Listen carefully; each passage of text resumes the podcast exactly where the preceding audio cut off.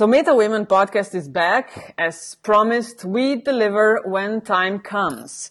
Uh, we are talking with women who use their heads more than their smartphones, who are at home networking, be it in their neck of the woods or somewhere far away. Uh, we are interested to hear how they do things. Uh, now, podcast Meta Women is at home at uh, Media Network Metina Lista, or rather, I should say, Meta's List in English. Uh, thanks so much, everyone, for joining. Really, it's a privilege to have you listening to a podcast. Uh, don't forget, your feedback is always much appreciated at info at metinalista.si. And you may also reach us on Twitter at Metinalista or Facebook. Uh, so much for the start and let's go full speed ahead. My guest is Cindy Gallop.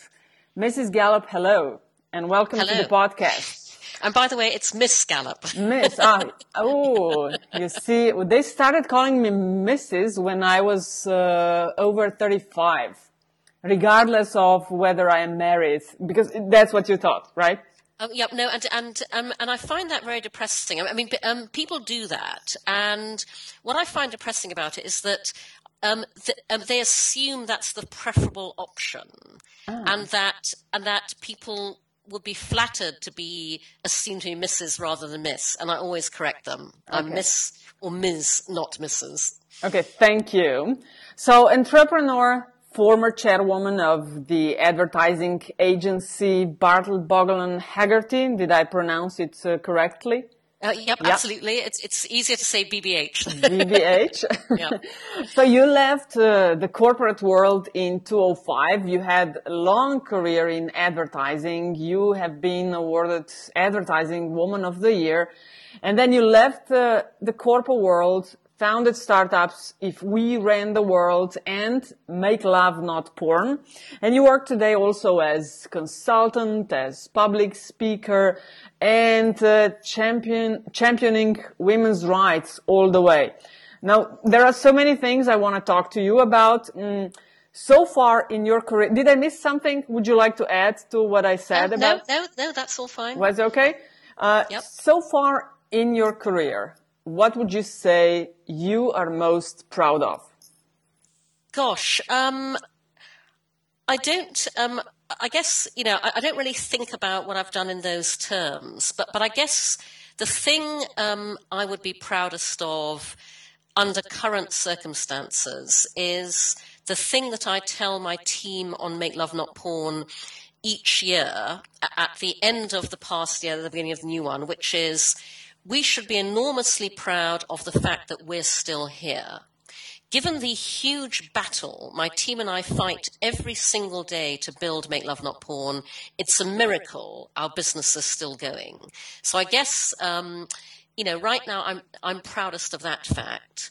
But I hope very much I'll have many more reasons to be proud in the future when we can see a true global impact at scale. Mm. Uh, difficult times, right? Yeah, it's not easy yes. to it's not easy to have a business or to run a startup. Definitely. Well, well, it's particularly not easy to run a sex tech startup. Seriously, every, every obstacle any entrepreneur encounters with a startup, have a startup dealing with sex, you can triple all of them. Seriously. Yes, I would say it's easier. Uh, I would say it would be easier for that. What, what, is it that because there are so many players? No, not or? at all. Um, I had absolutely no idea when I turned Make Love Not Porn into a business that my team and I would fight a battle every single day to build it. Essentially because every piece of business infrastructure any other startup can at least just take for granted. We can't because the small print always says no adult content. Mm. And this is all pervasive in ways that people who don't operate in this sphere do not realize. We cannot get funded. Investors won't touch us. We can't get banked. I can't find a bank in any country in the world that will allow me to open a business bank account for a business that does what we do. Our biggest operational challenge is putting a payments infrastructure in place. PayPal won't work with us. Mainstream credit card processors won't work with us. Um, every single tech service from hosting through encrypting through encoding is a problem. Amazon Web Services refused to host us. Um, we had to build our entire video sharing, video streaming platform from scratch ourselves because off the shelf services, online streaming platforms refuse to host adult content. Even something as apparently simple as finding an email partner to send our membership emails out with we were rejected by six or seven before we found one who would agree to work with us. And so I'm fighting this battle very publicly on behalf of everybody trying to change the world through sex.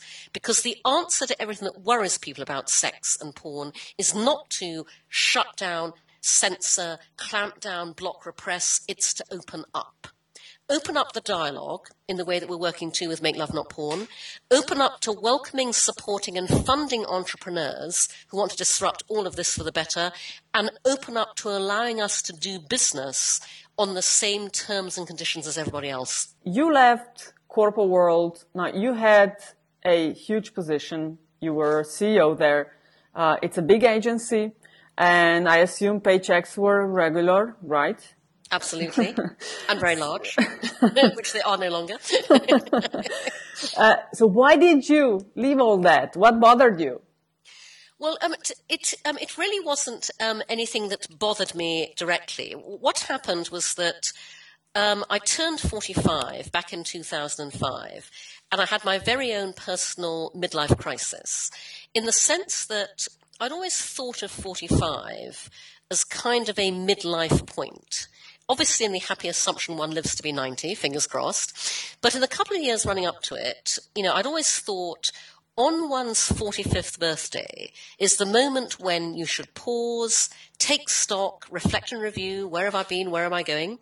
So on February 1, 2005, I duly did that. And that was the point at which I first really stopped and said to myself, oh my God, I've just worked 16 years for the same advertising agency. Wonderful agency, you know, BBH, love them to death, cannot say enough nice things about them. But um, it really hadn't struck me till that point that that was how long it had been. And then I thought, oh my God, I think it's time to do something different. And, and the problem was that I hadn't the faintest idea what. So vast amounts of thought and angsting ensued. And eventually I went, if I want to review every possible option open to me for what is effectively the second half of my life, maybe the best thing to do is to put myself on the market very publicly and go, okay, guys, here I am. What have you got? And so I took a massive leap into the unknown. I resigned as chairman of BBH back in the summer of 2005 without a job to go to, and it was the best thing that I ever did in my life. Why do you say that? I say that because I am now evangelical. You about... didn't know that at that time. When you were 45, you didn't no. know. You know that now, right? Oh, yeah, yeah, no, no, absolutely. No, I am evangelical about working for oneself. And I am particularly evangelical about this with women because when you work for yourself, you are free to express your own ideas, your own opinions, to speak freely, and you are free also to design the way that you want to work in the way that you would like it to be. And how did you in the first place got into advertising? Because you, you worked as a publicity and marketing manager in theater and then switched to advertising and then your, your own startups. Um, that's right. So I um, studied English literature at Oxford University. And I fell in love with theatre at Oxford, which has a very thriving student drama scene. Um, and I did everything in theatre. I wrote, acted, directed, stage managed. Um, I was president of my college drama society at Somerville College. Um, and so I decided that all I wanted to do was work in theatre for the rest of my life. And I knew I wasn't good enough to be an actress or a director. But um, when I was young, I used to draw a lot. And so at Oxford, my friends persuaded me to design posters for their theatre shows. And from there, I got sucked into helping promote and sell their shows, and I found I really enjoyed that. So I became a marketing and publicity officer in several theatres in the UK. I did that for several years until I got completely fed up with working every hour God gave me and earning chicken feed. and at the time, I was um, working in Liverpool as the marketing manager for the um, Liverpool Everyman Theatre. And part of my job um, promoting the theatre was giving talks about it to groups. I gave a talk to a group of women, and after the talk, one of the women came up to me and she said, Young lady, you could sell a fridge to an Eskimo. and I thought, okay, that is the universe telling me something. It's time to sell out the establishment and go into advertising. So I did. okay, so that, that's how it started. yeah, exactly. Uh, so we will talk about startups, the future of sex, and feminism as well. Uh, what you believe in, how do you do stuff, what do you think is a way forward? I mean, that if I ran the world, could you please explain to our listeners what is this project about? Sure. So um, I have two startups, um, and it's accidental that I have two startups. I didn't intend to do that. I will explain that later. But, but interestingly, although they're both accidental, I've ended up with two startups that reflect the two sides of me. So if we ran the world reflects my professional side, it's my attempt to redesign the future of business. And Make Love Not Porn reflects my personal side, and it's my attempt to redesign the future of sex. So, If We Ran the World um, is um, really the culmination of my 30 years working in advertising and um, marketing and brand building because I believe that the future of business is doing good and making money simultaneously. And I don't mean that in the old world order way that most companies currently do it, which goes, we make money here and then we do good by writing checks to causes to clear our conscience over here. I mean, the New World Order way of we make money because we do good. We find a way to integrate social responsibility into the way that we do business on a day to day basis that therefore makes it one of our key drivers of future growth and profitability. So I believe that the business model of the future is shared values plus shared action equals shared profit, financial profit and social profit. And what I mean by that is when brands and businesses come together with their consumers and their audiences around values that you all share, which, by the way, is the most important requirement for a good relationship in life as much as business. You will never truly bond if you don't share the same values. When businesses come together with consumers around values that you all share, and when you are then enabled to collectively and collaboratively co act on those values, to walk the talk together, you can make things happen in the real world that will benefit consumers, benefit society and benefit the brand and its business. So if we ran the world is co-action software that is designed to help brands and their consumers basically um, inculcate this business model and to, you know, create um, social benefit and business benefit together. I checked the page and tell me when people write down if I ran the world, I would blah blah.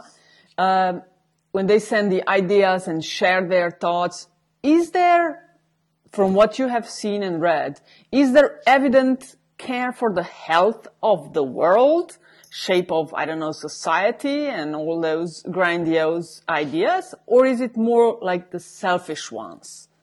If I ran the world, I would, I don't know, bike. Um, I don't, I don't know. Um, so, um, a, um, a, a, couple of things just to explain before I answer that question directly. Um, first of all, I designed If We Ran the World to be driven by the um, brand um, and business engagement uh, user model. However, we we built a consumer-facing interface so that people could use it as individuals and, and as individual groups as well. Yeah and, and, and that's what you will find at ifwerantheworld.com. Um, uh, uh, what I would also just um, explain is if We Ran the World is the startup that I was originally working on when my little side venture, Make Love Not Porn, blew up massively globally and left me no choice but to actually take that forward as a business. And so I've had to temporarily back burner if we ran the world, which is mildly frustrating. I am focused currently on raising funding for Make Love Not Porn to put a full-time team in place to run it. Once I've done that, then I can reactivate if we ran the world. So, so if ran the world is not very active at the moment because I haven't been okay. able to focus on business development for that. Even I, superhuman as I am, cannot run two startups simultaneously. But um, but, but what I will say is that um, both If We Ran the World and Make Love Not Porn um, reflect my own personal and business philosophies. One of my philosophies with everything I do in business is we don't do it for you, we enable you to do it for yourself. So both If We Ran the World and Make Love Not Porn are social experiments where we put this platform out there and you are entirely free to use either one as you wish. So the really interesting thing about If We Ran the World is that you know, it wasn't until we launched it in beta that we really got a sense of how people wanted to use it. Uh-huh. And the range of usage is enormous. It absolutely ranges from, you know, wanting to change the world in various ways. And, and, and another very important thing to say is Again, if we ran the world is all about my belief that change happens from the bottom up, not the top down. And so, if we ran the world is built around the concept of the micro action. A micro action is an incredibly small, simple, easy to do action, which is so easy to do, why wouldn't you do it? The micro action is our atomic unit in the same way the tweet is the atomic unit of Twitter. A micro action is like the action equivalent of 140 characters or less. So, um, all I'm doing um, with If Around the World and Microactions is I'm repurposing common sense because everything in life and business starts with a microaction. The whole point being that change happens when every one of us feels able to undertake micro actions daily that cumulatively add up to enormous impact and enormous change. So the whole point of If Around the World is that many people would love to do things like end global poverty, you know, address income inequality, tackle okay. the environment. But at a macro level, those issues sound so enormous, you don't even know where to start, so you do nothing. Yeah, yeah, the they paralyze our actions. Yeah, yeah, yeah, yeah, exactly. So um, the whole point of micro actions is, you know, if you um, if you go to if around the world and you enter if around the world I would, and you can enter, you know, whatever you feel motivated to do then what the platform is designed to do is to match you with micro actions that have been generated by other people's action platforms. So it brings you together with other people who want to do the same thing and the tiny small steps you can begin taking immediately to change those things. And so if we ran the world offers both brands, businesses, and individuals the ability to break any huge goal down into micro actions and to issue those micro actions as invitations to act to any audience, whether it be your friends as an individual or your consumers as a brand. Mm. I'm sure you have been asked this question numerous times, but if you, if you, Cindy Gallop, would be the queen of the world, what would be your plan? Well, it's funny because people regularly say to me, okay, Cindy, you know, if you ran the world, what would you do? And I would do exactly what If Ran the World is designed to do, which is I would turn every single good intention into action. Um, where If Ran the World comes from is the fact that I'm a very action oriented person. I absolutely believe in be the change you want to see. I have a very low tolerance level for people who whine and complain about things but never do anything to change them. And so I observed that the single biggest pool of untapped natural resource in this world is human good intentions that never translate into action. Mm. And so if we ran the world, it's my attempt to make it really easy to turn good intentions into action. That's it, yeah. So if you ran the world, you would correct the myths being propagated regarding sex as well, I assume. Uh, how did then make love not porn happen to be? That's another, oh, oh, that's another one of your startups.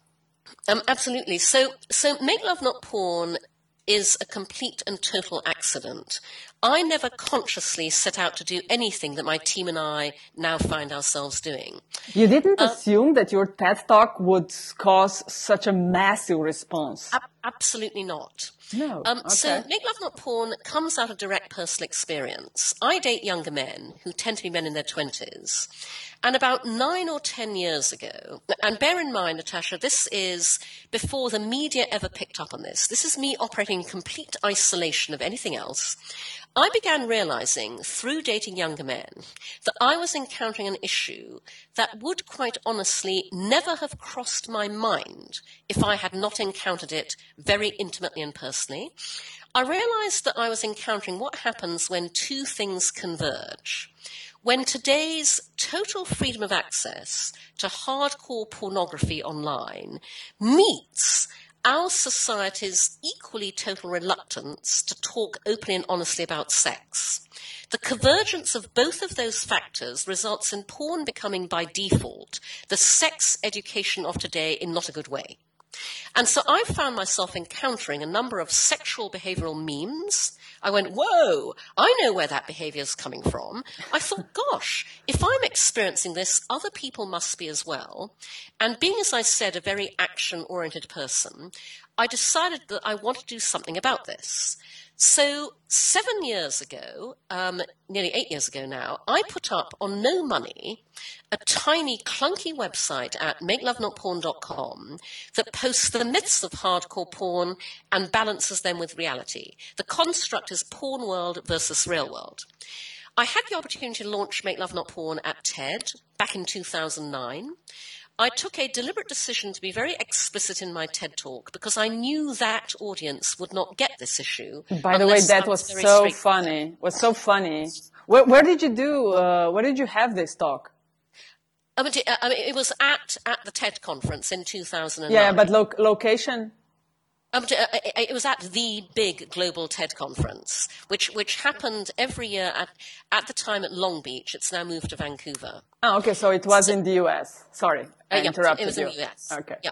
So so um, it causes sensation because I am to this day the only TED speaker to have uttered the words "come on my face" on the TED stage six times in succession. The talk went viral as a result, and it drove an extraordinary response to my tiny clunky website that I had never anticipated. And the most extraordinary response was not just instantly huge amounts of traffic to the site from every country in the world um, it went global without my doing anything about it. Mm-hmm. But the most extraordinary thing is that every single day for the past seven, eight years, and this is ongoing, by the way, I've received thousands of emails to my Make Love Not Porn inbox. And they come from everybody. They come from young and old, male and female, straight and gay, from every country in the world.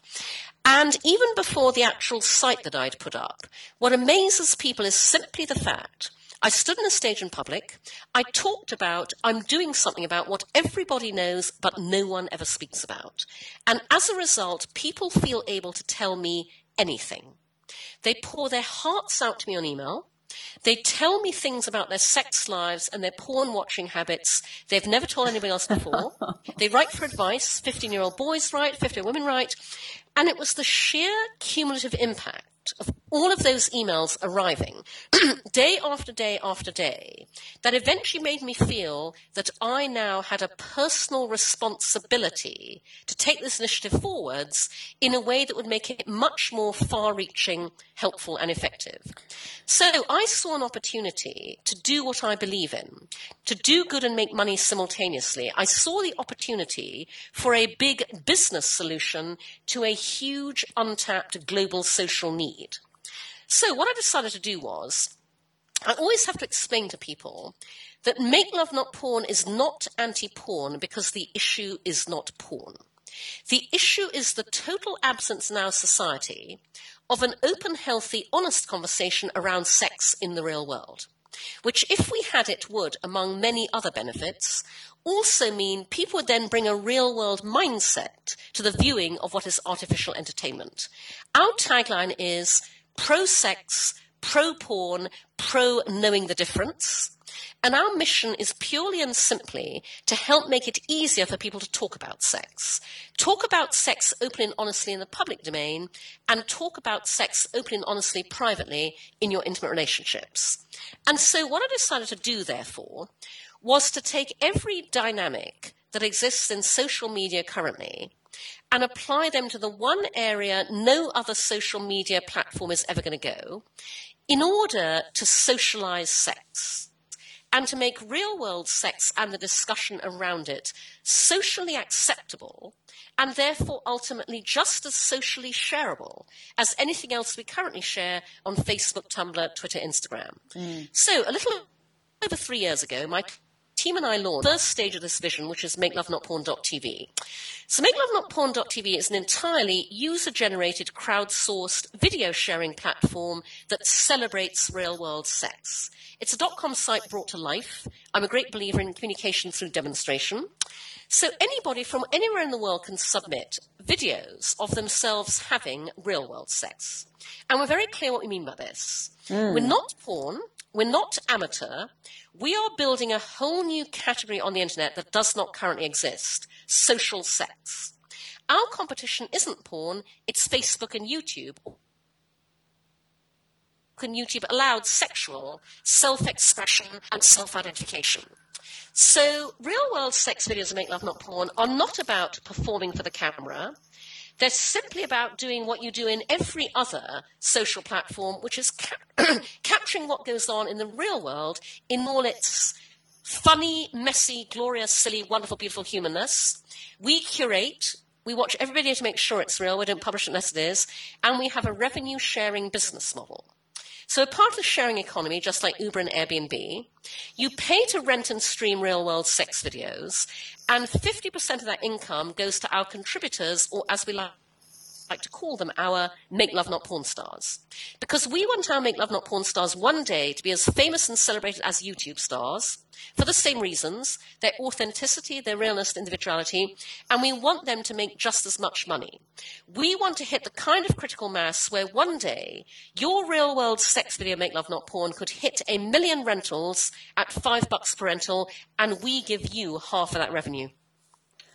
Uh, you speak quite openly about sex. I wonder, do you get the same response wherever you go, the countries that you visit, or do you observe differences? So, um, What's your experience? Are two, there are yeah. two answers to that question, um, and both of them are the same wherever I go in the world. First of all, everywhere in the world, people are dying to talk about sex. One of the reasons I think MakeLoveNotPorn.com, my original clunky little website that we have not changed in any way, I need to raise funding to be able to build it out. One of the reasons it elicits an extraordinary response everywhere um, is that MakeLoveNotPorn.com is a manifestation of me, by which I mean it's completely straightforward, honest, open, truthful, down to earth, utterly non judgmental, and it has a sense of humor. We never get to have conversations about sex within those parameters. When we do, the floodgates open. I and my team treat talking about sex like talking about anything else. We normalize it and we give people permission to talk about it, and people are dying to talk about it everywhere. That is true of every single country in the world. but you haven't been to Slovenia yet, right? Um, I get emails from Slovenia. I get emails from Eastern Europe. I get emails from every country in the world. This this is the same in every country in the world. Uh, the second point, however, I want to separate out from the universal, the universally positive response globally Make Love Not Porn has received. And that is that our biggest obstacle raising funding for Make Love Not Porn is the social dynamic that I call fear of what other people will think. Mm. It is never what the person I'm talking to thinks. When you understand what we're doing and why we're doing it, nobody can argue with it. It, it is always their fear of what they think other people will think, which operates more around sex than in any other area. And by the way, fear of what other people will think is the single most paralyzing dynamic in business and in life. You will never own the future if you care what other people think.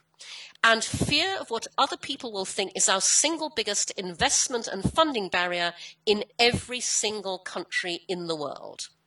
Those two things are universally true. Everybody loves what we're doing and wants us. Um, everybody, investor wise, is too frightened what other people will think to fund us. And the enormous irony, Natasha, is if only people realized everybody else feels the same way. All it takes is a few brave people to go ahead and do that, and everybody else will rush in and fund us and invest us in us and partner with us behind them. You're saying people are dying to talk about sex, but fundraising is a challenge. What sucks the most about fundraising? Um, well, well, exactly what I just said. Our mm. biggest obstacle is the fear of what other people will think. And so, for example, I get individual venture capitalists saying to me, Cindy, I think this is a really big idea. I think you're really onto something. If I took it to my partners, they'd say to me, What are you on? A young VC reached out to me from San Francisco uh, several years ago. He saw me speak at a tech conference. He reached out to me. He said, This idea is genius. And we met, we talked. He loves it, he gets it. But he said to me, At the end of the day, it's not about what I think, it's about what every other partner in my firm will think and what every investor in our fund will think. And so I am looking for the brave people. I'm looking for the people who see the huge money making opportunity. Because, oh my God, the money to be made out of Make Love Not Porn and the money to be made in sex tech generally in two areas. The second one of which nobody ever even thinks about because right now nobody even thinks it's possible. So the first area is obviously the money made out of sex. We all have it, we all enjoy it, recession proof, the market never goes away. But the second area is oh my God, the mighty made out of socially acceptable sex.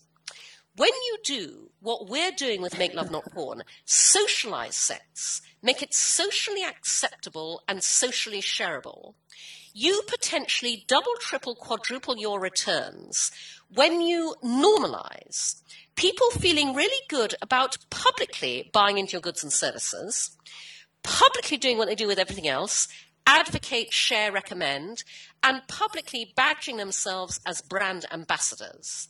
That's the trillion dollar financial future that we're going after. And the proof of how achievable that is is out there right now. Because at this moment in time, the single highest income grossing author in the world is E.L. James. The author of Fifty Shades of Grey has out earned Dan Brown, Michael Crichton, Jim Patterson. Fifty Shades the movie broke box office opening weekend records. That is the financial power of socially acceptable, socially shareable sex. You know you are totally ahead of times, right? I do. and that is why, that is why, Natasha, what I'm doing is I am doing what I advise other entrepreneurs to do, which is when you have a truly world changing startup, you have to change the world to fit it, not the other way round. So I am pioneering and championing sex tech as a category. I am taking it mainstream. I am telling the tech world the next big thing in tech is disrupting sex. Silicon Valley welcomes innovation and disruption in every other area of our lives and work except this one, which so badly needs it. So I realized very early on that I was going to have to pave my own way. I have to break down these business barriers to create the conditions for my own success. So I like to say that I'm in the Steve Jobs business of reality distortion. Reality tells me that I can't scale and grow my startup to be the billion dollar venture I know it can be. I'm going to change reality. And you are changing also um, how or I don't, I'm not sure if changing is the right word, but um, how women should be perceived as women in business, women in media, women in science, and women all over uh, the board. You work as a consultant and as a public speaker. As I said, you are very vocal online about women's rights, about gender equality. Uh, why do you think you need to be that vocal? Because sometimes, I mean, actually not sometimes, I often hear, why do you need to, uh, to be so loud about it? Why do you talk about it? It's not such a big problem. The fundamental tenet of all activism, Natasha, is if nobody speaks up, nothing changes. So what is feminism to you? You know, you, you've probably encountered that many people are afraid of even saying the word feminism or saying I am a feminist. What is feminism to you? I am a rampant feminist. Whenever anybody asks me if I'm a feminist, that's what I answer because that's how much of a feminist I am. I totally subscribe to Madeleine Albright's great quote there is a special place reserved in hell for women who do not help other women. Oh, it didn't and, work well for Hillary a couple of weeks ago. Have um, you noticed? No, um, no um, that, that interview was grossly and rampantly misinterpreted, and I will send you a link afterwards to okay. explain that. Okay. And that demonstrates exactly the issue that we have to challenge and combat. Feminism is simply equality. That's all it is. Although I have to say, I love um, the British feminist Caitlin Moran's definition. Um, I, I, disagree with it at one point, but, but Caitlin Moran said, um, Do you have a vagina? Do you want to be in charge of it? If you answered yes to both those questions, congratulations, you're a feminist. Now, I don't believe all feminists have vaginas or have to have vaginas, but essentially, all feminism is is a belief that human beings are equal. That's oh. all it is. I totally agree. Now, when you are talking about ways to change the ratio, you talk about self-promotion. Uh, what I notice with my work and working as a journalist and working as a co-founder of a media startup, that women really have an issue with being confident. Um, you would agree with that, right? Or not? Um, we are well, so shy, you know, we are so shy. So, so being afraid of being put on, uh, you know, in the spotlight. Um, yep.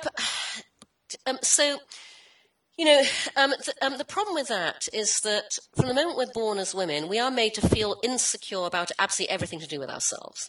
The way we look, the way we dress, the way we talk. Nice girls do this, nice girls don't do that we spend the rest of our lives coming back from that, and some women never do. And so I say to women, you know, why do you say the word self promotion like it's a bad thing? Mm. If you don't promote yourself, who else is going to do it for you?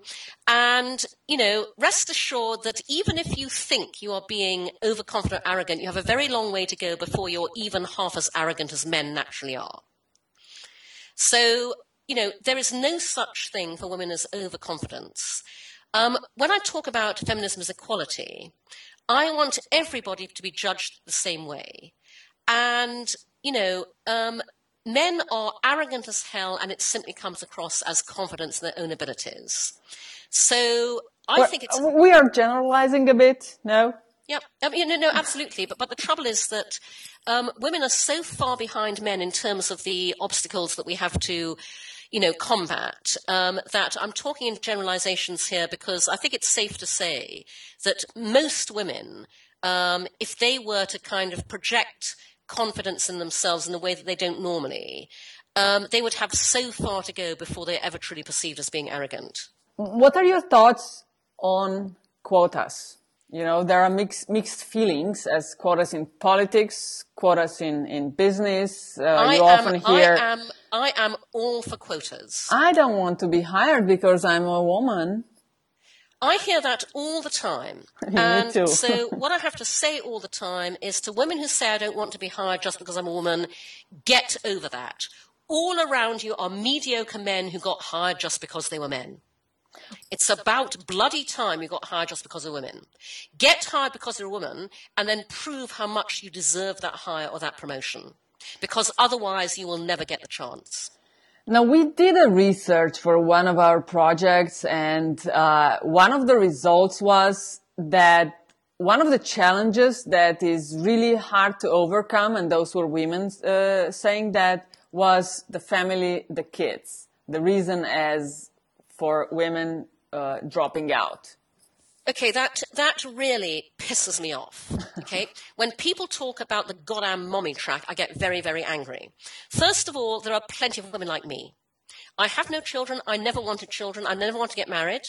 Um, and by the way, I'm very public about that because our society doesn't have enough role models for both women and men for the fact that you can live your life in a very different way to the way society expects you to and still be extremely happy. Um, so, first of all, not all women want marriage, children, families. Um, many women, by the way, just do that because they're expected to. Many women are not happy having gone down those routes and would have been a lot happier stopping and thinking about whether they should or not. But separate to that, um, we basically work in a corporate structure that is predicated entirely on the concept of the housewife. The entire current existing corporate working system grew up around the belief that it would always be men who went to work and there would always be women at home taking care of everything for them. That's changed, the corporate system hasn't. And so the corporate system is not designed for parenting. And by the way, note I say parenting as something both genders do equally. I don't say motherhood. There are plenty of men who are equally unhappy within our current corporate system. So, you know, the reason women drop out has nothing to do with, you know, being a mother, having families. It has everything to do with looking at the way their company operates, with looking at the top of their company, their industry, with looking at a closed loop of white guys talking to white guys about other white guys, operating in an entirely male centric way, and sensible women go, who the fuck would ever want to work like that? And that's what I felt, and I'm ferociously ambitious and I have no children. Now, what do you mean, Cindy, when you say women are hired on proof while men are hired on their potential? So essentially, um, and I just tweeted and Facebooked um, a very depressing study about this. Um, fundamentally, at heart, unconsciously, um, men believe that women are less good than men. So um, men are far more inclined to take other men on trust. Men look at other men, they go, Oh, I can see myself in him. He's just like I was at his age. I really like hanging out with him. We can have a beer together. He can do the job. Women experience a whole different ballgame. Well, has she done the job? before. Has she done the job well enough? Has she done the job for long enough? Men are hired and promoted on potential, women are hired and promoted on proof. And until that changes, you will continue to see men dominating in management leadership positions, men earning more than women, men doing better than women, while the people predominantly making those hiring and promotional decisions are male.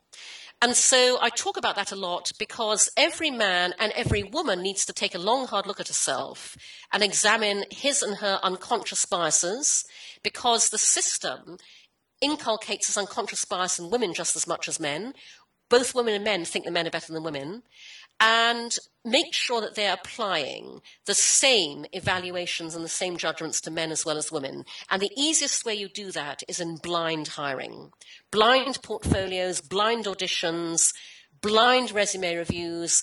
Take the person's name and gender out of the equation and judge them purely on their accomplishments and their performance to date. Well, how far away do you think we are from the moment when we will be hiring people on their accomplishments and not the, the gender or nationality or the color of their skin? So the mistake people always make when they ask me that question is asking it in a passive tense, as you just have. Okay. How long do you think it will be? How far away are we? We are as far away from that as we make it. As I said earlier with regard to Make Love Not Porn and Sex Tech, I don't wait for things to change, I make things change. That changes when all of us make it change. Change is about micro actions. Change happens from the bottom up, not the top down. Every one of us taking micro actions every single day, male and female, to change the ratio in our own capacity, ensuring that people around us change their attitudes and behavior, we will make that change come very, very quickly. So what is Cindy Gallop optimistic about? I'm optimistic about our ability to change the world from the bottom up, one micro action at a time. Okay, we'll take step by step then. Uh, dear Miss Gallop, thanks so much. It's been a pleasure talking talking with you, and thanks so much for your time and uh, sharing your thoughts with us. It- it's a total pleasure, Natasha. And the one thing I do want to say is to your listeners is if there is anybody out there in Slovenia who would like to invest in Make Love Not Porn or knows somebody who should be funding Make Love Not Porn, please contact me, cindy at makelovenotporn.com. I would love Slovenia to make Make Love Not Porn happen. Mm, and they can reach you on your Twitter as well, right? Cindy Absolutely. Gallop. Yeah, you can right? tweet at Cindy Gallop or you can email me, cindy at makelovenotporn.com. Thanks so much. And thanks to you all. Thanks so much for listening. Meta Women podcast. Did you wanted to say something?